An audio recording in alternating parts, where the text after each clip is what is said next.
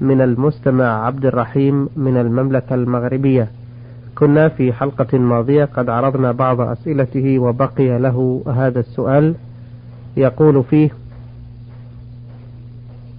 هل يجوز للأب أن يرغم ابنه الشاب على الجلوس في المنزل وعدم البحث عن عمل شريف يكسب منه حلالا؟ وماذا يفعل الابن في هذه الحالة؟ هل تلزمه طاعة أبيه أم يجوز له أن يخالف أمره؟ فالإسلام يحث على العمل والاكتساب الحلال. الحمد لله رب العالمين وأصلي وأسلم على نبينا محمد وعلى آله وأصحابه أجمعين. إذا كان هذا الشاب بالغا عاقلا محسن للتصرف فإنه لا يجوز لوالده أن يمنعه من الكسب الحلال. وذلك لأنه في هذه الحال ليس عليه حجر. وليس, من وليس عليه منع من التكسب ما دام يريد أن يكتسب اكتسابا حلالا. فإن الإنسان محتاج إلى ذلك إلى أن يعف نفسه بالزواج وإلى أن يكف نفسه عن المسألة ولا طريق إلى ذلك إلا بالسعي في طلب الرزق الحلال. نعم. ثم إنه لو فرض أن الأب عنده مال يستطيع به أن يكمل لهذا الشخص ما يحتاجه من نفقة وزواج فإن بقاء الإنسان بدون عمل قد يضره نفسيا وبدنيا. لأن الإنسان كما جاء في الحديث عن النبي عليه الصلاة والسلام حارس وهمام كلكم حارس وهمام لا بد أن يكون له شيء يحرك همته وشيء يحرك بدنه حتى يكون قد فرج عن نفسه ما يكمن في داخلها. وعلى هذا فالذي أشير به وأنصح به هذا الوالد أن لا يحجر على ولده وأن يدعه يتكسب بما هو حلال ما دام بالغا عاقلا رشيدا. وأما الولد فإني أنصحه أن لا يعصي والده معصية ظاهرة ويبارزه بالعصيان وإن كان الوالد ليس له حق في أن يمنعه من التكسب ولكن يصانع والده ويداريه ويترجى منه بإلحاح أن يرخص له في طلب العمل. لعل الله أن يهديه. فإن لم يفعل والده فإن كان محتاجا إلى هذا الكسب فليس عليه أن يطيع أباه بتركه. وإن كان غير محتاج فإنه ينظر في هذا الأمر وأيهما أنفع. وأصلح في أن يوافق, زو... يوافق والده أو يخالفه. وهذا ما لم يكن الأب في ضرورة إلى بقاء الابن في البيت. فإن كان في ضرورة إلى بقائه في البيت بحيث يكون مريضا أو به عاهة تمنعه من القيام بمصالح بيته ففي هذه الحال يجب على الابن أن يوافق أباه لأن ذلك من البر والبر واجب.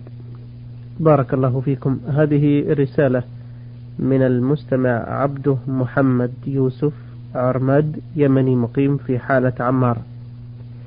يقول يقول الله تعالى إنا قتلنا المسيح عيسى وقولهم. نعم وقولهم وقولهم إنا قتلنا المسيح عيسى ابن مريم رسول الله وما قتلوه وما صلبوه ولكن شبه لهم. وإن الذين اختلفوا فيه لفي شك منه ما لهم به من علم إلا اتباع الظن وما قتلوه يقينا.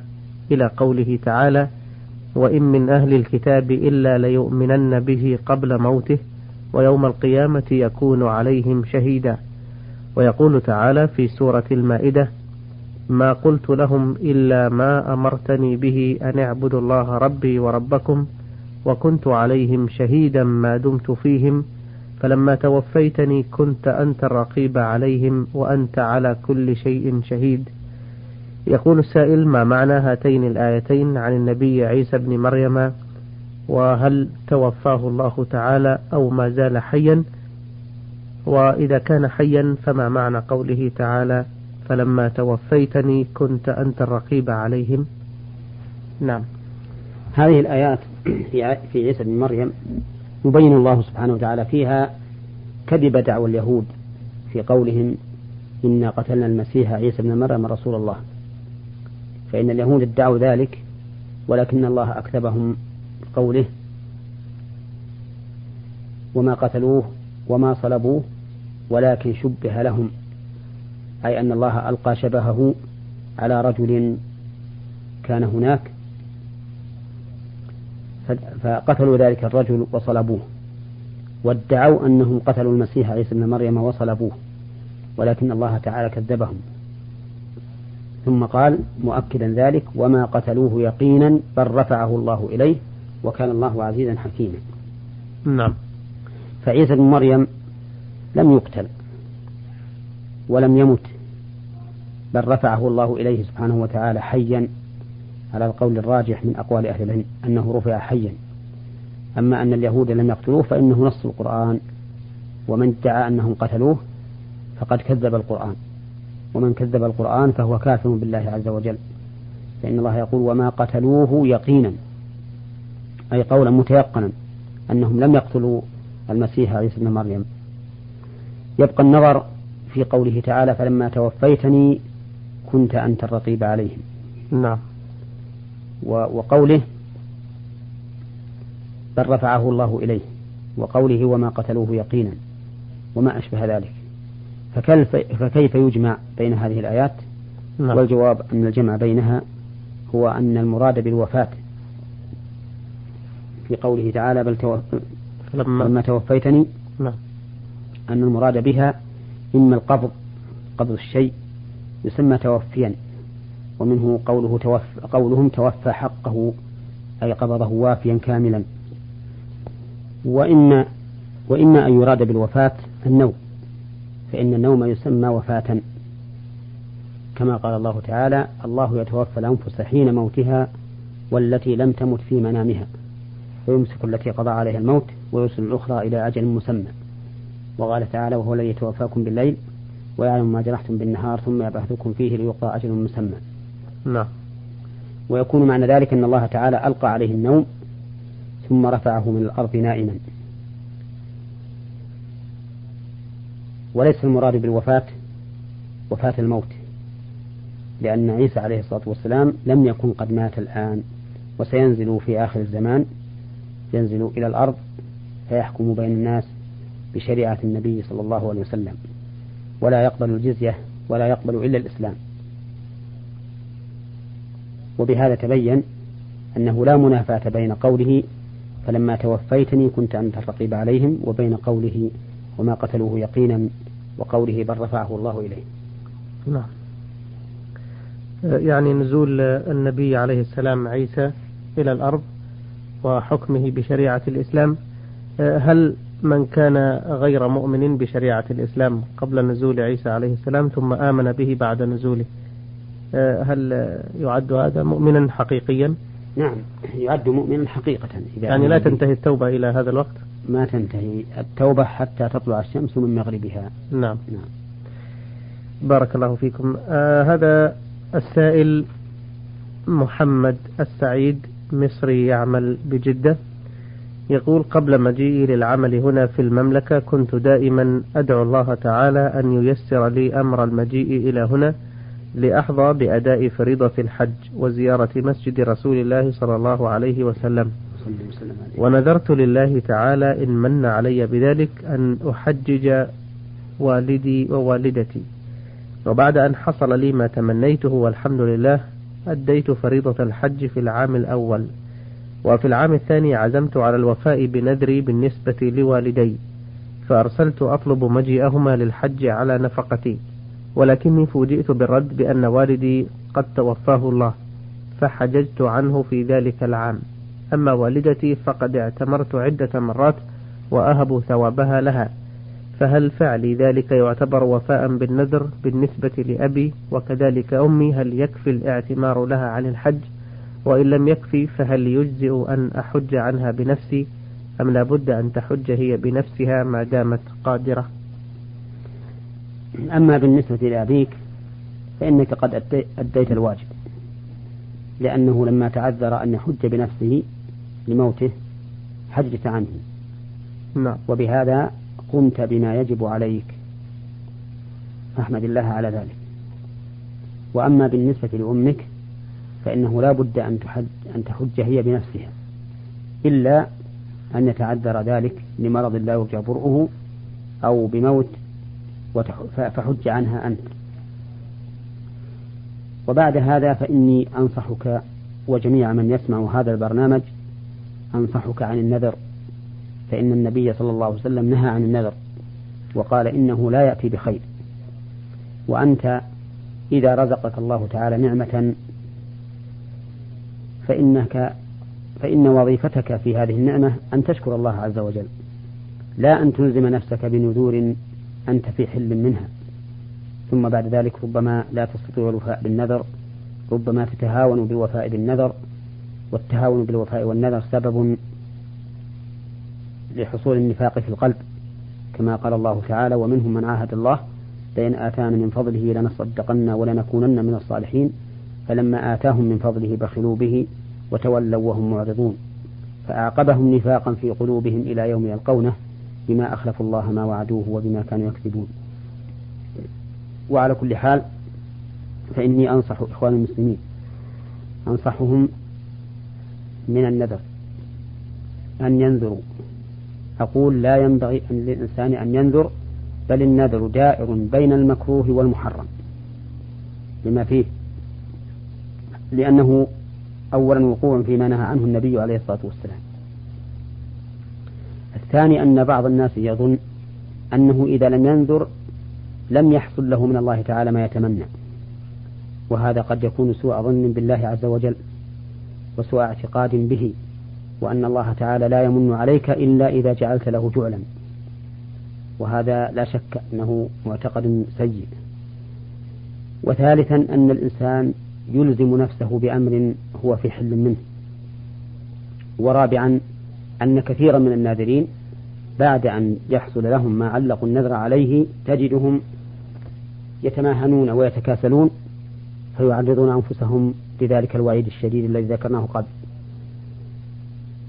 ورابعا أنهم أنك تجدهم أي الناذرين إذا حصل لهم ما علقوا النذر عليه تجدهم يتتبعون العلماء لعلهم يجدون رخصة في التخلص منه.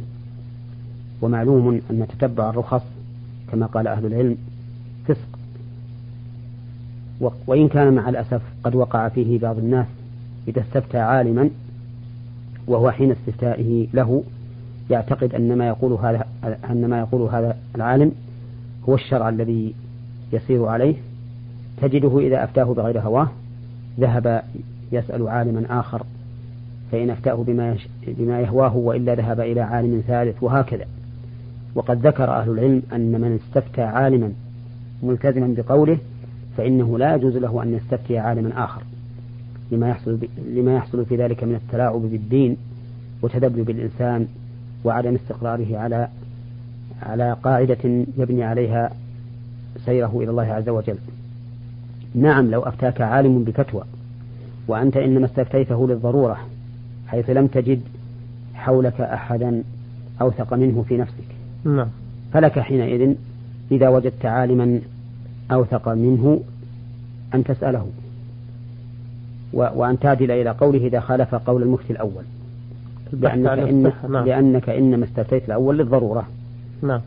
وكذلك أيضا لا حرج عليك إذا استفتيت شخصا واثقا بفتواه ولكنه حصل لك علم جديد من من عالم آخر بدون تسبب منك. نعم. فلا حرج عليك أن تنتقل إلى قول العالم الآخر بل قد يجب عليك إذا تبين لك أن الدليل مع الثاني. فإنه في هذه الحال يجب عليك أن ترجع إلى قول العالم الثاني لوجود الدليل معه. ولكن إذا سلم سمع من عالم آخر بدون بحث ما يرى أنه هو الحق. لقوة دليله فعليه أن يتبعه من أجل الدليل. كذلك إذا استفتى عالما حوله للضرورة لأنه لا يجد أحدا أوثق منه في نفسه فلا حرج عليه إذا طلب عالما آخر أوثق في حال الساعة. نعم. نعم. جزاكم الله خيرا. له سؤال أخير يقول لي أخت مطلقة ولها راتب تتقاضاه من الحكومة كغيرها من المطلقات. وهي ميسورة الحال أكثر منا وأكثر منا نحن إخوتها الذكور وهي تعيش معنا في البيت. وقد حدث شجار بيننا وبينها فغضبت منا ورفعت علينا دعوى في المحكمة تطلب حقها في النفقة عليها بعوض شهري. فهل لها الحق في هذا أم لا؟ ما دامت هذه المرأة رفعت الأمر إلى المحكمة نعم. فإن فإنك تمشون على ما تحكم به المحكمة وفيه الخير إن شاء الله تعالى. أحسن الله إليكم. آه هذا سؤال من المستمع ألف عين من الرياض. يقول رجل صلى صلاة الظهر ثم سلم من ثلاث ركعات ثم ذكر بعد سلامه أنه صلى ثلاث ركعات فقط فماذا يصنع في هذه الحالة؟ هذا السؤال مهم جدا لأنه يكثر وقوعه ويخفى على كثير من الناس حكمه. نعم. وبهذه المناسبة أود أن أحث إخواني الأئمة بالذات أئمة المساجد أن يتفقهوا في أحكام سجود السهو لأنها كثيرة الوقوع. بل لأنه أي السهو كثير الوقوع. ويشكل على كثير من الناس. فإذا كان الإمام فقيها في أحكام سجود السهو انتفع هو بنفسه ونفع غيره من الناس بفعله وبقوله. نعم. حتى تنتشر أحكام الله عز وجل في الأمة ويعبد الله تعالى على بصيرة.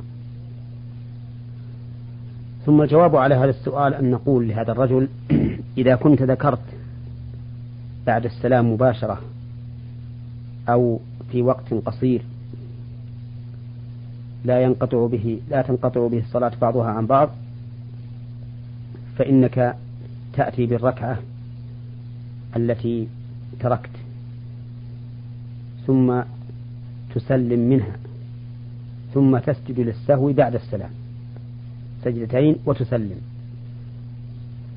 وذلك لأنه ثبت في الصحيحين من حديث أبي هريرة رضي الله عنه أن النبي صلى الله عليه صلى الله عليه وسلم سلم في صلاة الظهر من ركعتين ثم ذكروه فتقدم وصلى ما ترك ثم سلم ثم سجد السجدتين بعدما سلم.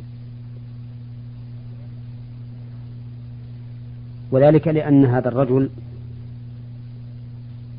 زاد في صلاته زاد تشهدا في غير محله وتسليما في غير محله ومن حديث أبي هريرة ومن حديث ابن مسعود رضي الله عنه الذي ذكر أن النبي صلى الله عليه وسلم صلى خمس ركعات تذكروه بعدما سلم فسجد سجدتين ثم سلم أقول من حديث أبي هريرة وحديث ابن مسعود نعم. يتبين لنا أنه إذا كان سبب سجود السهو زيادة فإنه يكون السجود بعد السلام. نعم. هذه هي السنة بل قد ذهب بعض أهل العلم إلى أن سجود السهو إذا كان محله بعد السلام فإنه يجب أن يكون بعد السلام. وأنه إذا كان محله قبل السلام فإنه يجب أن يكون قبل السلام. ولم يرى هذا البعض أن كون السجود بعد السلام أو قبله سنة بل يراه واجبا. وعلى كل حال فإذا كانت أو فإذا كان السهو زيادة فإن السجود له يكون بعد السلام. لحديث أبي هريرة وابن مسعود رضي الله عنهما. يقول بعض الناس إننا إذا سجدنا بعد السلام أوجبنا الإشكال على الناس. فنقول إن هذا صحيح. إذا لم يخبر بالسنة ولم تطبق السنة تطبيقا عمليا. لكن إذا أخبروا بالسنة وطبقت السنة تطبيقا عمليا زال هذا الإشكال عندهم وصار الأمر معلوما لديهم. وقد جربنا ذلك نحن في صلاتنا. فرأينا أن الناس أول ما فعلنا هذا الأمر أشكل عليهم. حتى إن بعضهم إذا سلم الإمام سبح يظن أنه نسي أن يسجد للسهو نعم لكن بعد أن علموا وفهموا صاروا لا يستغربون هذا وألفوا هذا. وأقول إنه يجب على أهل العلم إذا خفت السنن بين العامة يجب عليهم أن يبينوها بالقول وبالفعل حتى لا تموت السنن. قد يقول قائل إن كون السجود بعد السلام أو قبله على سبيل الندب فلا يهم. نقول لو سلمنا ذلك أنه على سبيل الندب فإنه لا ينبغي أن تترك السنن حتى تموت وحتى تنكر لو فعلت. فإن معنى ذلك أن يكون المعروف منكرا بين العامة حيث لم يخبروا به ولم يطبق تطبيقا عمليا بينهم. إذا عرفنا الآن أن سجود السهو بعد السلام فيما إذا كان عن زيادة. فنقول ويكون بعد السلام أيضا فيما إذا كان عن شك ترجح فيه أحد الطرفين. مثل لو شككت هل صليت ثلاثا أم أربعا؟ وغلب على ظنك أنها ثلاث فأنت تأتي بالرابعة وتسلم وتسجد للسهو بعد السلام.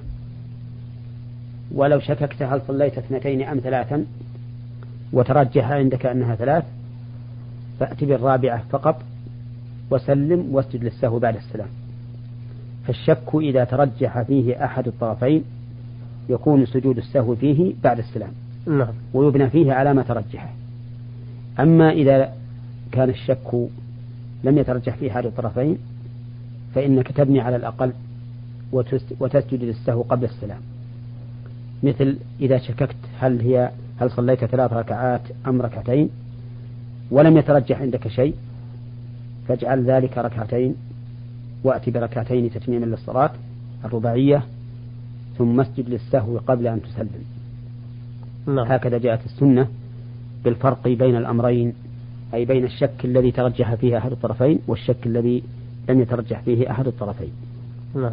والذي أحب أن يكون من إخوان المسلمين أن يتنبهوا لأحكام سجود السهو وأن يفهموها ويدرسوها لأنها تتعلق بالصلاة التي هي أهم أركان الإسلام بعد الشهادتين والله موفق جزاكم الله خيرا. في مثل هذه الحالة إذا ما سلم الإمام بعد ثلاث ركعات في صلاة رباعية آه، المأموم الذي قد دخل في أول الصلاة ولكنه بعد أن سلم الإمام ظن أنه قد فاتته ركعة فقام ليكمل ما فاته.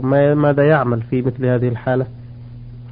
في مثل هذه الحال يكون هذا المأموم قد انفرد عن إمامه بعذر شرعي. نعم. لأنه ظن أن الإمام قد أتم صلاته. فإذا نبه الإمام وقام ليتم صلاته فإن هذا المأموم يخير بين أن يرجع مع إمامه نعم. وبين أن يكمل صلاته وحده. منفردا. والرجوع مع الإمام أولى وأحسن لأن الإمام حين سلم سلم قبل تمام صلاته.